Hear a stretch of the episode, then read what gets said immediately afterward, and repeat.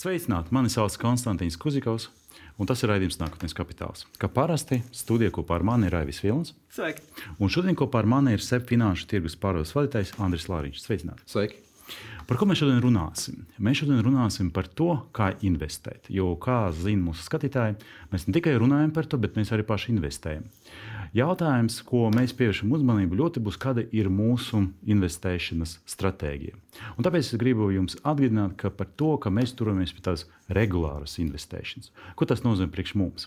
Tas nozīmē ļoti vienkārši trīs soļus. Mēs periodiski maksājam, vai pareizāk investējam. Tas ir aptuveni 50 eiro nedēļa, bet tā summa var būt jebkāda, pat 10 vai 5 eiro. Mēs mēģinām diversificēt savas, savas portfeļus, kā arī mēs uh, investējam limitēta aktīvu skaita līdz 20 dažādiem aktīviem. Uh, pirms gada es jau šajā studijā raidīju, raidīju šo te, uh, slaidu. Un tas ir ļoti interesants raksts, uh, kur bija apkopota tāda matemātiskais modelis, ka, ja paņemt uh, 1000 eiro vai precīzāk dolāru tajā laikā un investēt katru gadu, tad kā mainīsies rezultāts, ja investēt labāka dienas gada, kad cenas ir viszemākas, vai investēt periodiski, kā mēs darām ar AIV, vai ja investēt uzreiz gada sākumā. Un šajā rakstā jūs varat atrast arī rezultātus. Jo matemātiski modelis saka par to, ka, ja mēs investējam, tad perfect timing šajā gadījumā tas ir tāds, kas ir zemākas cenas vispār ir, ir tirgu. Tad investēt 20,000 20 gadu laikā, var sakrāt 151 tūkstoši. Ja mēs runātu par investīcijām, mē, kuru mēs veicam katra gada sākumā, tad tā starpība būtu par 10,5% mazāka vai 135,000 dolāru. Bet, ja investēt regulāri, kā mēs to darām ar rāviem, tad tā starpība būs druskuļi mazāka - 134,000. Bet, jebkurā gadījumā, šis modelis rāda vienu būtiskāku lietu, ka principā nav jābūt genijam. Ja ir investēt katru nedēļu, kā mēs ar rāvi vai katru mēnesi, principā var dabūt ļoti labu rezultātu salīdzinājumu ar to labāku momentu gada, kad var atrast to zemāku cenu. Un es speciāli paņēmu pagājušā gada investīcijas, ko es veicu SP 500 indeksā, un paskatījos, kā būtu, ja es investētu gada sākumā, vai es investētu labākā dienā.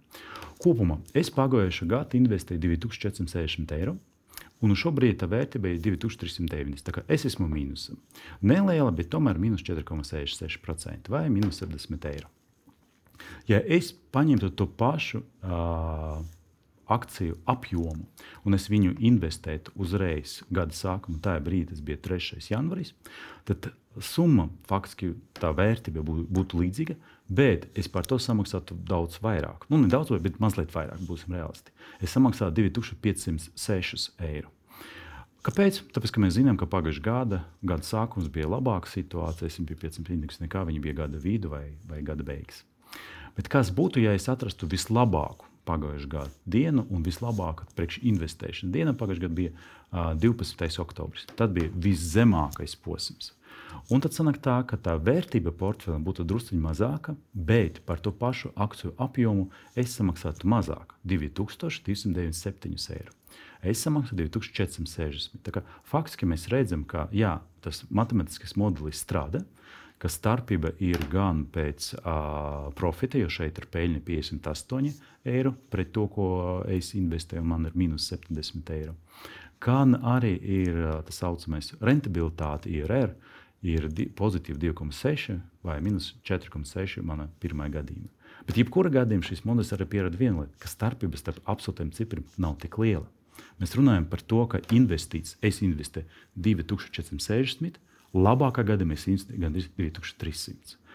Mana portfeļa vērtība būtu 2390 vai 2355. Tas, mēs joprojām runājam par to, ka tas svārstības ir ap 10%. Man nebija jāgaida pagājušā gada to labāku momentu, investēt katru uh, nedēļu ap 50 eiro. Es principā varētu dabūt ļoti labu, labu un tuvu rezultātu. Tas bija mans, mans tāds, tāds, tāds eksperiments, un, un vienlaikus viņš pierāda to to uh, modeli. Un tagad es došu vārdu Andrim, lai viņš varētu pastāstīt par savu pieredzi un no uh, savas uh, bankas, pie, bankiera pieredzes, vai šie modeļi darbojas vienmēr vai kādas īpašas gadījumus. Ja mēs skatāmies arī to sākumā minēto piemēru, ja, tad jā, jāpiezīmē, ka 20 gadu laikā ir, bija lielā finanšu krīze, kad tas, ja, ja bija atrasts labākais moments, tad no, no tādas zemākās bedres bija ļoti labs investīciju sākums. 9. gada marts bija vienkārši fantastisks brīdis jā. iepirkties. Otrs labākais brīdis bija 20. gada marta pandēmijas laikā. Nes kāpēc marts ir tāds kaut kāds foršs mēnesis, izskatās, lai pirktu. Es esmu apkopojis nu, pēdējā simtgadē gandrīz vai tos lielākos kritumus Dodžons indeksā, protams, citiem indeksiem ir līdzvērtīgi. Un, uh, tad uh, galvenais jautājums, skatoties šo tādu, ja, nu, tā tabula jāraksta, jālasa tā, ka uh, vienmēr ir rekordi. SMP indeksam ar pagājušā gada janvārī, Jā. 3. un 4. bija rekords, un tad, mm. tad bija šie kritieni. Pēc rekordiem seko parasti kritieni. Visi, tad, kad ilgi, ir neviens nezina, kad viņi būs, kad ir rekordi. Visi baidās, ka nu, pēc rekorda jābūt kritieniem. Bieži vien ir jauns rekords, jauns rekords, jauns rekords, un tad ir kaut kādi kritieni. Un tad, paskatoties uz to vēsturi, tie zemākie punkti, ja, nu, tas zemākais punkts parasti ir viens datums, un mēs viņu redzam skatoties atpakaļ skatu spogulī. Bet, ja man jāprasa uz priekšdienām, tad, tad, ja es izvēlos investēt labākajā brīdī, kas ir zemākais punkts pēc lielākās krīzes, tā mēs varam gaidīt to krīzi visu mūžu un nesagaidīt. Ir. Kurš ir tāds gaišreģis, lai nākamo desmit gadu laikā pateiktu tieši to vienu datumu, kurš būs labākais, lētākais, lai, lai investētu. Līdz ar to šī regulārā investīcija, un kas man patika, šī pieeja, ka jums ir investīcijas reizi nedēļā. Ja? Yeah. Tas nozīmē, jo biežāk jūs investējat, jo jums ir lielāka varbūtība trāpīt tuvāk rekordam. Tā arī bija. Pagājušā gadā ar bitkoinu. jo pagājušā gadā 12. oktobris bija zemākais punkts virknē indeksa, un tur 12. 13. Tas nozīmē, ja mēs investējam reizi mēneša beigās, mēs, mums bija investīcija septembra beigās un oktobra beigās. Mēs netrāpījām uz to Jā. 12. Ja mums ir reizi nedēļā, tur jau mēs bijām tuvāk tam 12. oktobrim. Līdz ar to regulāras investīcijas dod to, ka mums ir ļoti liela varbūtība krīzes brīdī nopirkt par ļoti labu cenu. Protams, arī kāpjot. Tur arī ap, apusē, tāpēc, apusē. arī bija situācija, kad mums principā, būtu pareizāk gaidīt, gaidīt, gaidīt, Jā. jo mēs arī pērkam par ļoti augstu mm. cenu. Līdz ar to viens no maniem principiem, kā es pieturos un ko es pārkāpu, nereti ir jātur naudas rezerve. Jo, nu, okay gribās. Jā. Jūs sakat par to, ka nevajag gaidīt to labāko momentu, bet jātur naudas rezerve. Ar naudas rezervi tādā ziņā, ka mēs uztaisām tos ikmēneša maksājumus, tie paši 50 eiro pieņemsim. Mums ir kaut kāda rezerve, ko es pagājušajā gadā ļoti veiksmīgi izdarīju. Tad, kad es jūtu, ka tirgu ir kaut kādi 5-10% kritums, nu, tad tu saproti, ka pēc tādiem kritumiem, jā, vēl ir iespējami kritumi, bet tas jau ir labāk. Un tad mm -hmm. tu mhm. piemeti klāt tajās. Mm -hmm. Un, tā kā iet uz augšu, tu nedari neko. Un, tā, kad atkal kaut kāda tāda var, var būt cita filozofija. Rītdien būs vēl dārgāk jāpērk šodien. Tieši, tieši, tieši tā, bet es domāju, ejot uz augšu, turpināt tās regulārās investīcijas, bet to rezervi tu turi priekš tā, priekš tā ka okay. nu, tāda, tāda krituma jau nav tik, tik liels, kā bija pagājušajā gadā. Tāda ir bijušas septiņas reizes pēdējās 50 gados. Ja? Tātad tie, tie lielie kritumi, ka tu jūti, ka tiešām tirgū kaut kādas lielas pārmaiņas. Viens no gaišs, bet nu, mēs, kad, kad, kad ir problēmas, tad mēs jūtam, ka viņas ir. Ja? Nu, jo, tad var gaidīt. Jo mēs ar Rāvi investējam nu, vairāk pagājušajā gadā, un kritumu redzat, nu, mēs bieži to redzējām mēs vairāk, varbūt mazāk redzam pieaugumu nekā kritumu. Tāpēc man liekas, tā ir norma. Vai, vai tā ir norma, kā bieži krīt? Nu, ja mēs skatāmies uz to klasiku, kā iesaka šeit tāds no mācību grāmatām, piemēram, ja mēs 10 eiro katru mēnesi investējam, ja, tad, ja, ja tirgus nokrīt pa 30 procentiem, tad jums ir mīnus 17, kā šajā piemērā. Mm -hmm. Un tad, kad tirgus kāpj atpakaļ, jūs esat pa nulēm, tirgus vēl ir mīnus 16%. Ja? Tas vienkārši parāda, ka jūs esat pirkuši gan pa dārgo, gan pa lēto. Bet, ja jūs visu naudu investējāt rekorda brīdī, piemēram, pagājušā gada janvārī, tad jums jāgaida ļoti ilgi, lai, lai, lai atpelnītu tos zaudējumus. Tur psiholoģiski ļoti drīzāk izvēlās pārdot un nedarīt neko, kā, kā nereti tas notiek, jo tur nekā nav, tur tikai var pazaudēt mm. naudu. Bet, ja mēs... Ar kriptovalūtām var uh, redzēt, nu, tas uh, nav gluži varbūt saruna temats tieši šoreiz, bet nu, arī regulāras investīcijas, jo to mēs varējām ļoti redzēt. Uh, tajā, cik daudz cilvēki zaudēja naudu, tāpēc ka viņi 2021. gada beigās, kad bija ļoti augstās naudas, sapirkās ar domu, ka nu, nu, bitkoins būs 100, 200 tūkstoši, un uh, tad uh, tur principā jau jau kad uh, bitkoins bija ap 40, 50 tūkstošiem, jau vairāk kā puse no investoriem nu, pēc uh, tirgus rēķiniem bija zem ūdens. Tas man šķiet tādā uh, ļoti asā izpratnē, tāpēc ka akcijas uh, nelēkā šādā, bet ļoti asā izpratnē var parādīt uh, to milzīgo sāpi, kāda ir ja tu nopērci augstākajā brīdī. Jo, Bet vai šis modelis strādā arī ar citiem investīcijas veidiem, tas, kā kriptovalūtas? Tas viss strādā. Man vienīgi tad ir arī par to pašu piemēru. Tad, kad mēs taisām modeļu testēšanu atpakaļ mm -hmm. gaitā, uh, mēs testējam, reku, ja es būtu investējis tajā labā. Īstenībā pasaulē nav nemaz tik daudz cilvēku. Tad tas ir ļoti teorētiski. Savukārt, ja es būtu investējis regulāri, tā ir reālā dzīve. Ļoti Jā. daudz ir investējuši regulāri un tādu rezultātu sasnieguši. Līdz ar, līdz ar to es teikšu, absolūtais vairākums, kas Jā. investē regulāri, sasniedz to, ko jūs izrēķinājāt. Un diez vai sasniedz to maksimumu. Nu, varbūt, nu, jā, viņi, bet, bet uh, to maksimumu sasniedz absolūtais mazākums tirgu, ja vispār kāds sasniedz, kurš tieši visu naudu un vienīgo naudu ielika tajā brīdī. Ja, kā... Insider tradings. Tādā uh, gadījumā. jā, jā, droši vien, ka nevienā cietumā ir šādi cilvēki, kas šādi ir. Bet mēs nerunājam par investīcijām, 50 eiro investīcijām. Mēs nerunājam par pārkāpumiem, noteikumu pārkāpumiem, mēs runājam par uh, normālu pieeju tirgumu. Un tad jautājums, šī ir mācību grāmata, un es saku, mācību grāmata neko nedod, ja, ja mēs neuz, neuzliekam to modeli uz reālo dzīvi. Līdz ar to es paņēmu tātad, SP indeksu, uh, kas bija pēdējais milzīgākais kritums, kas mums bija, bija 7. un 9. gads. Jā, tad mhm. mēs skatāmies, 7. gada oktobrī bija indeksa rekords pēdējais tajā laikā. Ja? Un tad sākās šī indeksa lejupslīde. Un ir divas līnijas, kuras šajā grafikā ir redzamas. Tāda zilā līnija ir tā, kā mēneša beigās, mēneša beigu vērtība indeksam, un dzeltenīgā līnija bija tā, cik, man, cik vērtība ir manai investīcijai, kuras arī katru mēneša beigās vienādu summu lieku indeksā. Un tad, tad uh, vidējā vērtība, pērkot lejupējošā tirgu, iznāk tā, ka indeks jau bija nogāzies par 50% Jā. šausmas. Mana vērtība investīcijām minus 36%. Ah, nu, nav patīkami, teikšu, kā ir. Bet, Bet labāk nekā indeksam. Labāk nekā indeksam, jā, un savukārt, ja, tad, kad indeks sāk atkopties, un šis ir reāli, reāli, reāli dati, jā, nu arī, protams, teorētiski viegli šāds dats ņemt, skatīties, bet reāli dati rāda to, ka, ja es būtu turpinājis spītīgi, konstanti tādu pašu naudas summu investēt, tad no bedres, kas bija 9. gada februāris, mums vajadzēja tikai 9 mēnešus, lai 9. gada novembrī būtu pa nulēm, jeb šajā piemērā plus 1,5%, kam ir indeks vēl trešdaļa, mīnus, gandrīz trešdaļa, mīnus 29%. Indeksam vēl pāris gadus vajadzēja, lai atgrieztos pie nulēm, bet mēs jau tajā brīdī esam plus 30%. Un šis, protams, parāda to regulāro investīciju labumu. Un vienmēr es uzskatu, tā, ka, ja nav laika sekot līdzi un negribas lieki riskēt, vai nav sajūta, ka esi gudrāks par tirgu, tad labāk ir izveidot šādas regulāro investīciju sistēmas. Tā, tā, tā, tā, tā līdzīgi strādā otrais pensiju līmenis, trešais mm -hmm. pensiju līmenis, uzkrājušā dzīves apdrošināšana.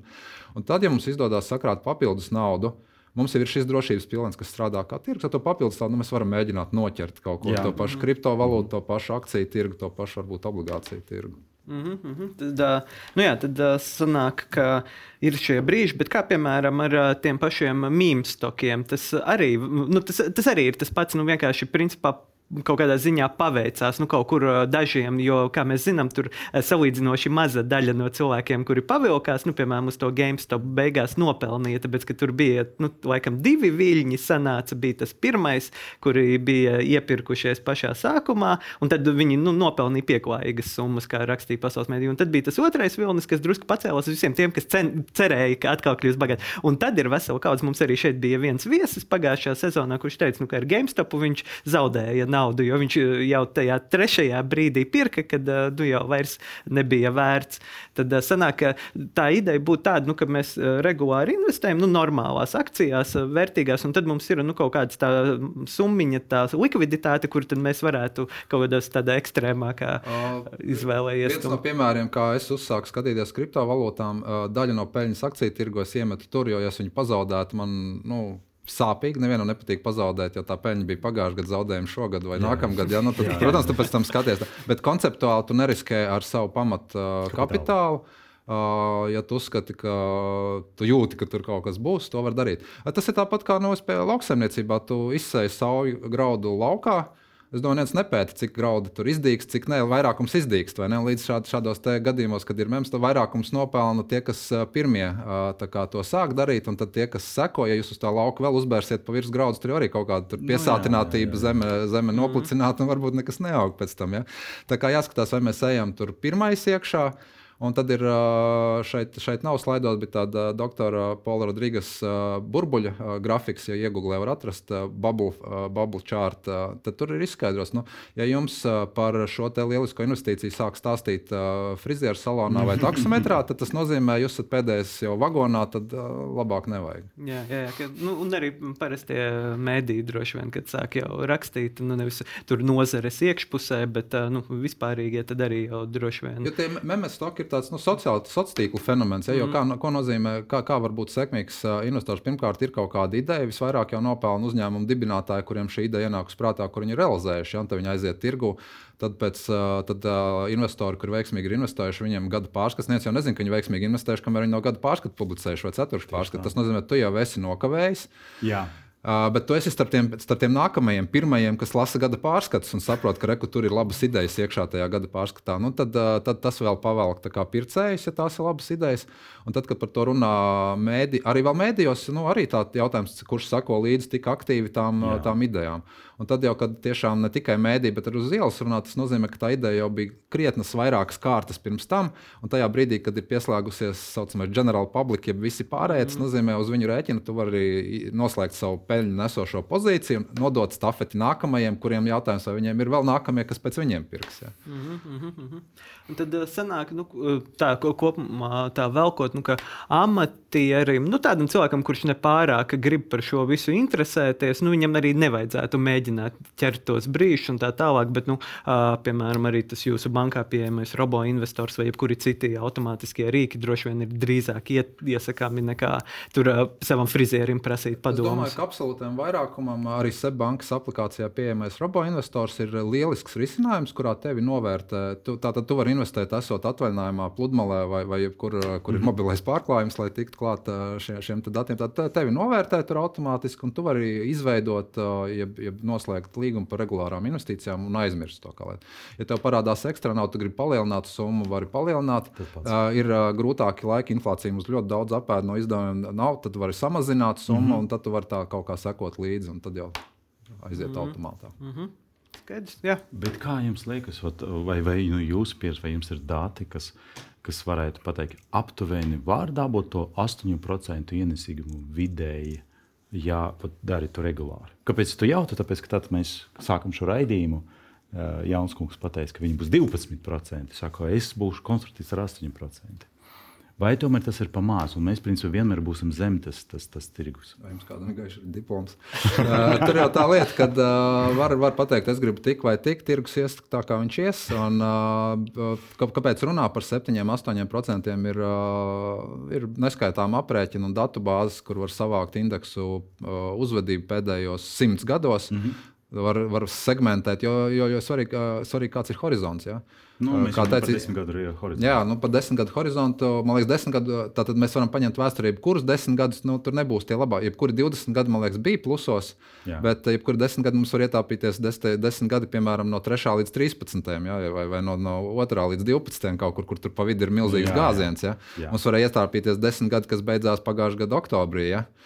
Mums var ietrāpīties desmit gadi, septītais, nu, jā, septītais vai pandēmijas, piemēram, mart, marts. Jā, tur ir ļoti svarīgi saprast, kuri ir desmit gadi, mm -hmm. kas notiekās pasaulē, kāds ir mans sākuma punkts. Visiem, kuri sāk investēt pagājušā gada oktobrī, droši vien ir nu, daudz labāk nekā mums. Ir kļūdaini mēs... pozitīvs pieņēmums, ka viņš ir ļoti labs stratēģis, jā, jo ah. viņš sāka zemākajā punktā. Jā, un, jā, jā. un arī es saku, mēs, mums tātad robo investors ir pāris gadus, un sākumā bija parastie fondi, un tad pagājušajā gadā pievienoja indeksu fondus sāku viņus, viņos investēt. Uh, un var teikt, ka man baigi, baigi labi sanāk, ja, bet vienkārši sakrita, kad produktu palaida brīdī, kad jau tirgus bija nogāzies pavasarī. Un, uh, tāpēc uh, ar, šī, ar šī, šīs ziemas atkopšanos jau, jau pa nulēm izējām pat plusos. Ja. Tā kā svarīgi ir, kad tu sāki, kāds ir konteksts, bet uh, regularitāte ir svarīgāka par šo arī sākuma punktu. Bet vai ir kaut kāda kritērija, pie kuriem vajag turēties, lai tas vat, ja, regulāri maksājumi strādātu? Viņas viens no kritērijiem ir saprast, ka labāk nedomāt par memestokiem, par to, ka GameStop būs labāks nekā klasiskais to 500 augšējā daļa. Vai tomēr principā vienalga izvēlamies un, un, un strādājam. Tad jau jautājums, kāds ir fokus? Vai es izvēlos investēt indeksos, indeksu fondos, kas ir vidējā temperatūra okeānā, mm -hmm. vai es izvēlos uh, tos pašus uh, memes stoks, kur, uh, nu, lai kā mēs runātu, viņš turās tikai uz. Nu, Viss cenas jau nosaka pieprasījums un piedāvājums. Ja? Kas tam memes stokam beigās būtu par pieprasījumu, ja viņiem biznesa modelis ir uh, nepareizs vai, vai bankrotējošs? Nu, ja, viņi, ja viņiem ar šo vilni izdodas uh, monetizēt to la, labumu un uh, panākt kaut kādas labas biznesa idejas un konstanti, nu, kā kardināli pārmainīt to, to biznesu, un tas vairo pēc tam uzņēmuma vērtību. Jā. Bet, ja tā uzņēmuma vērtība turās akciju tirgū tikai uz tā, ka ir uh, bars pircēji, kuri uh, ieriepsim short selleriem, jeb tiem, kas pārdod ja, un gaida, kad bankrotēs, nu, tad vai tas ir ilgtermiņa noturīgs biznesa plāns? Jautājums, vai es gribu investēt uzņēmumos, kuros es gribu sajusties kā akcionārs, īpašnieks un priecāties par viņu labklājību, vai es gribu investēt par spīti kādam, vai, mm -hmm. spīti, vai kopā ar, ar, ar, ar, kopā ar uh, bariņu foršu cilvēku, kuriem vienkārši ir jautri to darīt. Ja? Nu, tas skaidrs, ka tas ir, tas ir pirmais variants. Un, un, bet no otras puses, arī par, runājot par tām uh, indeksiem. Arī indeksos, ja tu investē regulāri, tu vari būt ļoti veiksmīgs. Jo, pieņemsim, man uh, pat uh, man investējot vienu no manām akcijām, ir vienkārši indeks, kas kopē to 500, un viņš kaut kādā brīdī bija viszemākā posma. Daudz labāk uh, strādā individuālas akcijas. Kā, tas ir jautājums, manuprāt, ar indeksiem arī. Ir regulāras investīcijas vai investīcijas, kas ir balstītas. Nu, man liekas, ka tagad to 500 uz, uz augšu, tad man vajag investēt. Vēl viens ļoti svarīgs aspekts šajā jautājumā ir komisijas. Ja? Nu, kā, un, un platformas komisijas ērtums, jo, ja mēs runājam, ka klasiski finanšu tirgu, kad lieliem klientiem, lieliem darījumiem tomēr ir komisijas, un tad, lai veicinātu tirgu ma mazākiem klientiem par limitētu darījumu skaitu, nav, mm -hmm. kas ir forši. Bet, Komisija jautājums tev nosaka to, vai tu pirksi individuālu akciju. Akciju tirgu parasti komisijas ir augstākas, ja, kas nozīmē, ka tev tā minimālā summa būs jāspiež uz augšu. Uh, bet ir, protams, risinājumi, kur nav komisija, kas nozīmē, ka tev tur nav, nav problēma. Tu vari ma mazākas summas investēt. Un tas nosaka to, vai es iešu indeksu fondos un mēģināšu skatīties cenrāžus, kur viņi ir labāki, efektīvāki, vai es mēģināšu lielākas summas. Un tas nozīmē, ka lielākas summas tu retāk veiks pirkums, pirkums un, un retāk izsakos tajā līnijā. Un, kā es teicu, jo biežāk investē, jo lielāka iespēja trā, trāpīt labākajai cenai. Jā, bet, uh, nu, es absolūti jums piekrītu es veicu tas savas 50 eiro investīcijas, es jau saskaros, es skatos, ka katru reizi man ir komisija. Es šos 50 eiro jau dalu par mazām daļām. Es tam mana vidēja investīcija kaut ko 10 dolāri vai 10 eiro parasti. Un tur ir minimāla uh, komisija. Jā. Gribat vai negribat. Ja es paņemtu pieņemsim, visus 50 uh, eiro un investētu vienā akcijā, man būtu lētāk nekā es paņemtu sadalīt viņu mazāk. Un, tas arī, un tāpēc tie 50 uh, dolāri, kas man sanāca, uh, uh, zaudējumi, Tas, principā, ja mēs paskatīsimies, ja es paņemtu to summu un investētu viņu uzreiz, es domāju, ka puse aiziet toši uz komisijām. Tāpēc arī viens no tiem, neatcerēšos, kuru citēt, ja, bet uh, lētu izmaksu indeksa fonds ir labākā investīcija regulāram uh, investoram ilgtermiņā. Mm. Un tas nozīmē, ka principā viens no vienkāršākajiem variantiem mēs investējam regulāri, bet indeksa fonda viena. Sanāk tā, bet no otras puses, ja tev ir rezerve un, piemēram, ja, ja ir rezerve un ir vēlme, vēlme nu, kā, mēģināt noķert momentu, tad tur jau ir tā, tas azarts, tā attraktivitāte. Ja paskatāmies tehnoloģiju milzu šīs nedēļas rezultātus. Ja. Nu, paskatāmies jau rudenī pieminētos Ķīnas rezultātus, neskatoties ar visiem riskiem no valdības puses. Ja. Tā kā, nu, Negrib, es, es piemēram, nu, reizēm liekas, negribās palaist garām iespēju. Ja? Nu, Tāpēc ir bāze. Bāze ir trešais pensiju līmenis un kaut kādas regulārās. Tad uh, jautājums. Uh, Nu šeit arī ir tāds, pieejas arī var būt bāze. Paņemsim desmit stabilas akcijas, investējam regulāri, nedomājam par tādu pieaugumu kritumiem. Un tas ir tas, tā vienkārši tā summa, kas veido tu bāzi. Jā, varbūt paveicās, un tā, tieši tās desmit atlasītās kompānijas jums veido portfeli, kas ir labāks par indeksu. Ja paveicās. Ja paveicās jā. Bet, kā ir?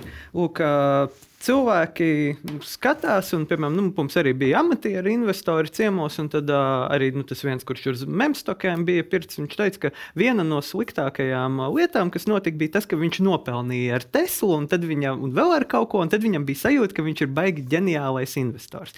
Un tad pēc tam, protams, negāja tik ģeniāli, kā gribētos. Bet kā ir ar tiem leģendāriem investoriem? Jo mums ir nu, kaut vai tas pats Konstantīns bieži citētais Warrens Buffets, un, bet ir arī citi vārdi, kurus mēs zinām, par kuriem raksta grāmatas vai kuri raksta paši grāmatas, mm. un viņu it kā tas veiksmes faktors vai prasmju faktors ir lielāks. Kas, kas viņus padara labākus, prasmīgākus vai var, par vidējo indeksu investoru? Es nevienu negribu apvainot, mēs esam kaut kādi emocionāli monstri, ja, kuri ļoti strikti turās pie stratēģijas un nu, neiekrīt kārdinājumā, ka man tagad sanāca nopelnīt un šo, ko es nopelnīju, nevis reinvestēšu turpat, bet re, kur blakus ir kaut kas veiksmīgāks, kā man līdz šim gāja. Ja.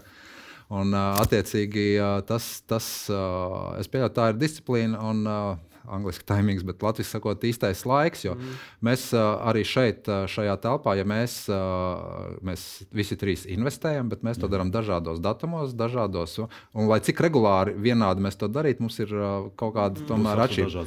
Jo arī akciju tirgu cena pēc sekundes ir savādāka. Ja, kas nozīmē, varbūt līdzīgi rezultāti, Uh, vienādi nekad praktiski diviem investoriem, bet uh, tas ir svarīgi, kā, kad jūs sākat un kur jūs investējat. Jā. Mm. Jo arī man, tiksim, tas pašs akcijas, man ir publiska portfeļa, kur es visam rādu, bet tā ir privāta.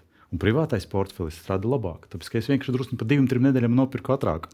Un viss cits datums. Sākums ātrāk, un varbūt citreiz arī kaut kādas nu, lēmumu tiek pieņemti savādāk. Jā, absolūti, absolūti. Un viens no psiholoģiskiem faktoriem ir arī tas, kad, uh, ir, uh, ka ir daudz šīs spēles, ja nu, uh, konkursi, investē ar iedomātu naudu. Bet, nu, un, tu, tu cīnies jau pret. Tu indeksu. cīnies ar iedomātu naudu, tu Jā. pieņem lēmumus, jo tev nav uh, finansiālās sekas, jo, kad tu redzi uh, savu vērtspapīra konta atlikumu Jā. ar savu naudu, tad Jā. tev tā sajūta ir savādāka. Doma, kāpēc? Mīnusos ir, kāpēc es to darīju. To naudu taču varēja atvaļinājumā aizbraukt. Un, ka ir plusi, tad liekas, nu, man taču tik labi sanāk, kāpēc es vairāk neinvestēju. Ja? nu, tā kā tas emocijas. Vai tas uh, emociju efekts vai, vai vispār noskaņas ir ļoti būtiski investīcijas laika? Ļoti svarīgs, tāpēc es uzliku šo bildi ar investoru noskaņojumu. Ir uh, virkni pētījumu un psiholoģisko pētījumu gan par behavioral finance uh, un tam līdzīgi. Ka, nu, kavē, un, un šajā gadījumā, piemēram, biznesa cikls mums ir izaugsme, virsot recesija, tas vienkārši dzīves cikls, jā, jā. un šobrīd mēs kaut kur esam kā saka, pēc dažiem datiem kaut kur esam pie recesijas, kaut kur vēl neesam, kaut kur varbūt būs. Bet kas notiekās ar investoriem, tad uh, investori, uh, tad, kad jau ir virsotne, viņiem ir tāds tā satraukums, un virsotne jau beigusies, viņiem vēl ir eifórija, turpinam investēt. Tad sākās bažas, piemēram, no, es domāju, ka finanšu sektorā bažas jau rudenī bija par to, kad redzam izēvielu cenu kāpumus, redzam to, ka kaut, varētu, kaut kādam saspringumam ar naudu jābūt. Bet tad ir valdība pabalsti, un atkal ir uh, pilna, kārtībā, pi, pilna, pilnas stāvvietas pie lielveikaliem brīvdienās, kaut kā liekas, nu, būtu jāpietaupa. Ja? Bet ne, nav pamanīts. Tas. Nu, Pagaidām tā liekas, bet ko mēs redzam, to, ka, piemēram, uzkrājumi, kas ir konta atlikumi pēc Latvijas bankas statistikas, tad mēs skata, es, nu, skatāmies ik pa laikam tā, mm -hmm. ļoti uzmanīgi, kā ir ar naudu, ja, cik daudz viņas ir un vai viņi pietiek. Un tad šie te, pandēmijas laikā, kad nekur nevarēja aizbraukt, nevarēja tērēt, tad pieaugums mm. gads pret gadu bija kaut kādi 15, 17% pīķī. Kad tev sed, šogad naudas ir pa 17% mm. vairāk kontos nekā pagājušajā gadā. Tagad šis pieaugums ir noslēpts līdz plus 5 decembrī. Tātad pagājušā gada decembrī pret uh, 21. gada decembri konta atlikumi bija pieauguši tikai par 5%. Pirms pandēmijas vidējais rādītājs bija uh, 6 līdz 10%, nu, vidēji 8%. Ja? Tātad mēs jau esam zem vidējā pieauguma tempa, un uh, pastāv bažas, ja risks, ka uh, vēl šis rādītājs, jo te, tendence pēdējos mēnešos nav labvēlīga. Līdz ar to puses, mēs runājam par to, ka pagājušajā gadā bija inflācija 20%, bet joprojām mājasēmniecība ir pozitīva tendence. Vai tas nav slikti? Tas ir ļoti labi ekonomikai. Jā. Līdz ar to, nu, tā, kā saka, ir pozitīvi pārsteigumi par labiem ekonomikas datiem, par straujāku inflācijas krišanu šobrīd. Bet, kā jau saku, dzīve jau pakļaujas matemātikai. Ja mūsu ieņēmumi neaug straujāk par izdevumiem, tad sastrēgums agri vai vēlu būs. Un ekonomikā šobrīd tā ir, ka mūsu ieņēmumi neaug straujāk par izdevumiem. Jautājums tikai, kur ir tas lūzuma punkts vai kur ir tas brīdis, kad kā, no, nu, tiešām, tiešām sākās. Un, šonadēļ bija Eiropas Centrālās Bankas sapulce, viņa atzīst, ka Pieprasījums hipotekāriem kredītiem Eiropā ir uh, dramatiski mazinās. Uh, kredīta nosacījumi past, paliek stingrāki, jo tā kā Dikens teica, ja, kad uh, lietas laikā, salēnā laikā tev dod lietas sargu, lietā atņem. Skaidrs, ka uh, pieaugot riskam, arī nosacījumi paliek stingrāki, jo, jo, jo, jo vērtē šo naudas plūsmu. Un uh, šajā ciklā arī ir, ko mēs redzam, ka, protams, ja mēs skatāmies tīri vērtspapīra tirgu, jautājums, vai mums bija zemākais periods pagājušā gada oktobrī vai nē, es neņemtos garantēt, ka tas bija zemākais, kas pēc nu, šī, šajā ciklā lejupējošā ir bijis. Es optim, nu, tā, saku, krāju kā pesimists, investēju kā optimists. Ja? Es kā optimists gribētu teikt, ka es ceru, ka indeksi tas, kas pēdējās dienās notiek, ir nenormāli. Šie atkopšanās, tas, zināt, kā, kā, kā, kā arī trako nav labi. Jā, jā, jā. Līdz ar to es gribētu teikt, ka piesardzības periods vēl būs. Jāgaida ir pirmā ceturkšņa rezultāti. Jo nu, pagājušā gada rezultāti viss tāpat zina, ka uz rudeni tur jau mm -hmm. bija saspringums un varētu būt vāji. To arī parādīja pēdējo lielo milzu rezultātu, kas bija miksēti, bet ar noslēdz, man liekas, uz sliktāko pusi. Ja. Līdz ar to. Uh, tas optimisms vai atvieglojums būs pēc tam, kad ekonomika jau atkal būs atkopusies un ies uz augšu. Un to mēs redzējām 9. un 10. gadā. 10. un 11. gadā jau bija lieliska ekonomikas izaugsme, salīdzinot ar 9. gadu. Es nemanāju, ne, ne, pirms tam. Ja. Bet uh, tirgo vēl bija tā, mums bija krīze un, un, un kad, tā, tā, tā, tā milzīga piesardzība. Jā, tā, kā, tā ir. Nu, un noslēgumā varbūt kaut kāda padomi jaunam investoram. Uh, pasaulē ir ļoti daudz labas grāmatas sarakstītas. Es jau neiešu nevienu, es nebūšu gudrāks par viņiem visiem un tam līdzīgi. Un, un principi var būt dažādi, bet tādi daži atlasīti pieci un uh, parasti trīs, pieci vai septiņi. Kāpēc tieši tā? Vienkārši daži investēšanas principi, kas palīdz. Pirmkārt, iegūms un risks iet roku rokā. Uh, Tie paši memes stoki tur var super daudz nopelnīt, tur var super daudz pazaudēt. Jā. Savukārt indeksā liekas garlaicīgi, bet tomēr ilgtermiņā arī rezultāts labs. Nelieciet visus solis vienā grozā un visas grozas vienā lidmašīnā, kā es saku, kas nozīmē nu, paļauties uz vienu uzņēmumu, ka tā ir tā pērle, ko es esmu vienīgais atradzis. Kā jūs varat būt vienīgais, tas uzņēmums kotējās biržā un tur vēl simtiem akcionāru, ja ne tūkstošiem. Ja? Tad, tad skaidrs, ka jāskatās, kas tur notiek, jāliek dažādos. Ilgtermiņā viss izlīdzinās, to pierāda arī šie aprēķini, tur 10, 15, 20 gadu griezumā kā, kā uzvedušies tirgi. Ziniet savu termiņu, kā jau teicu, ja man vajag iegādāties auto līzingā vai pirkt dzīvokli, hipotekāro kredītu, to naudu, kas sakrājas, nevajadzētu bliest memes stokos, kriptovalūtās vai akciju tirgū. To naudu mēs vienkārši uh, noliekam malā un izmantojam šim mērķim, kam esam paredzējuši. Savukārt, ja mums šī nauda nav vajadzīga šogad, nākamā, tad mēs varam skatīties uz tādu arī nevis uzreiz bliest, bet, kā es teicu, pakāpeniski varbūt sākt pilināt. Uh, Un turieties pie plāna un saglabājiet mieru, kas ir visgrūtākais. Jo tad, kad mēs sākam investēt, tad eh, šīs emocijas spēlē galveno lomu. Es neteiktu pat milzīgi galveno lomu, jo ir ļoti grūti noturēties, nepārdot, ka visi pārdod, un savukārt ir ļoti grūti uh, nepārdot, tad, kad liekas, ka tūlītās būs jauni rekordi. Un jāatcerās, ka krituma brīdos, tad, tad brīžos, kad runā, kad akciju tirgus gāžās, visi pārdod. Jums jāatcerās, ka nekad nenotiek darījums, ja nav pircējs. Tad, tirgu vienmēr ir pircējs un pārdevējs, kurš pērk tajās apakšās, kad viss gāžās, un kurš pārdod tajās augšās, kad visur, visur ir eiforija. Pats Buffets sēdēja vairākus gadus ar miljardu un neko nav investējis. Skaidrs. Paldies. Kopā ar mums šodien bija Andris Lāriņš, SEP finanšu tirgus paralēlis vadītājs, Raivis Vilons, nākotnes kapitāla redaktors un Konstants Kuzikovs. Šodien mēs runājam par to, kā investēt periodiski, par regulārām investīcijām. Man liekas, joprojām tas ir tāds vienkāršākais un drošākais veids, kā investēt un principā panākt ļoti labu rezultātu. Paldies, ka jūs bijat kopā ar mums un tiekamies jau pēc nedēļas. Visu labu! Visu labu.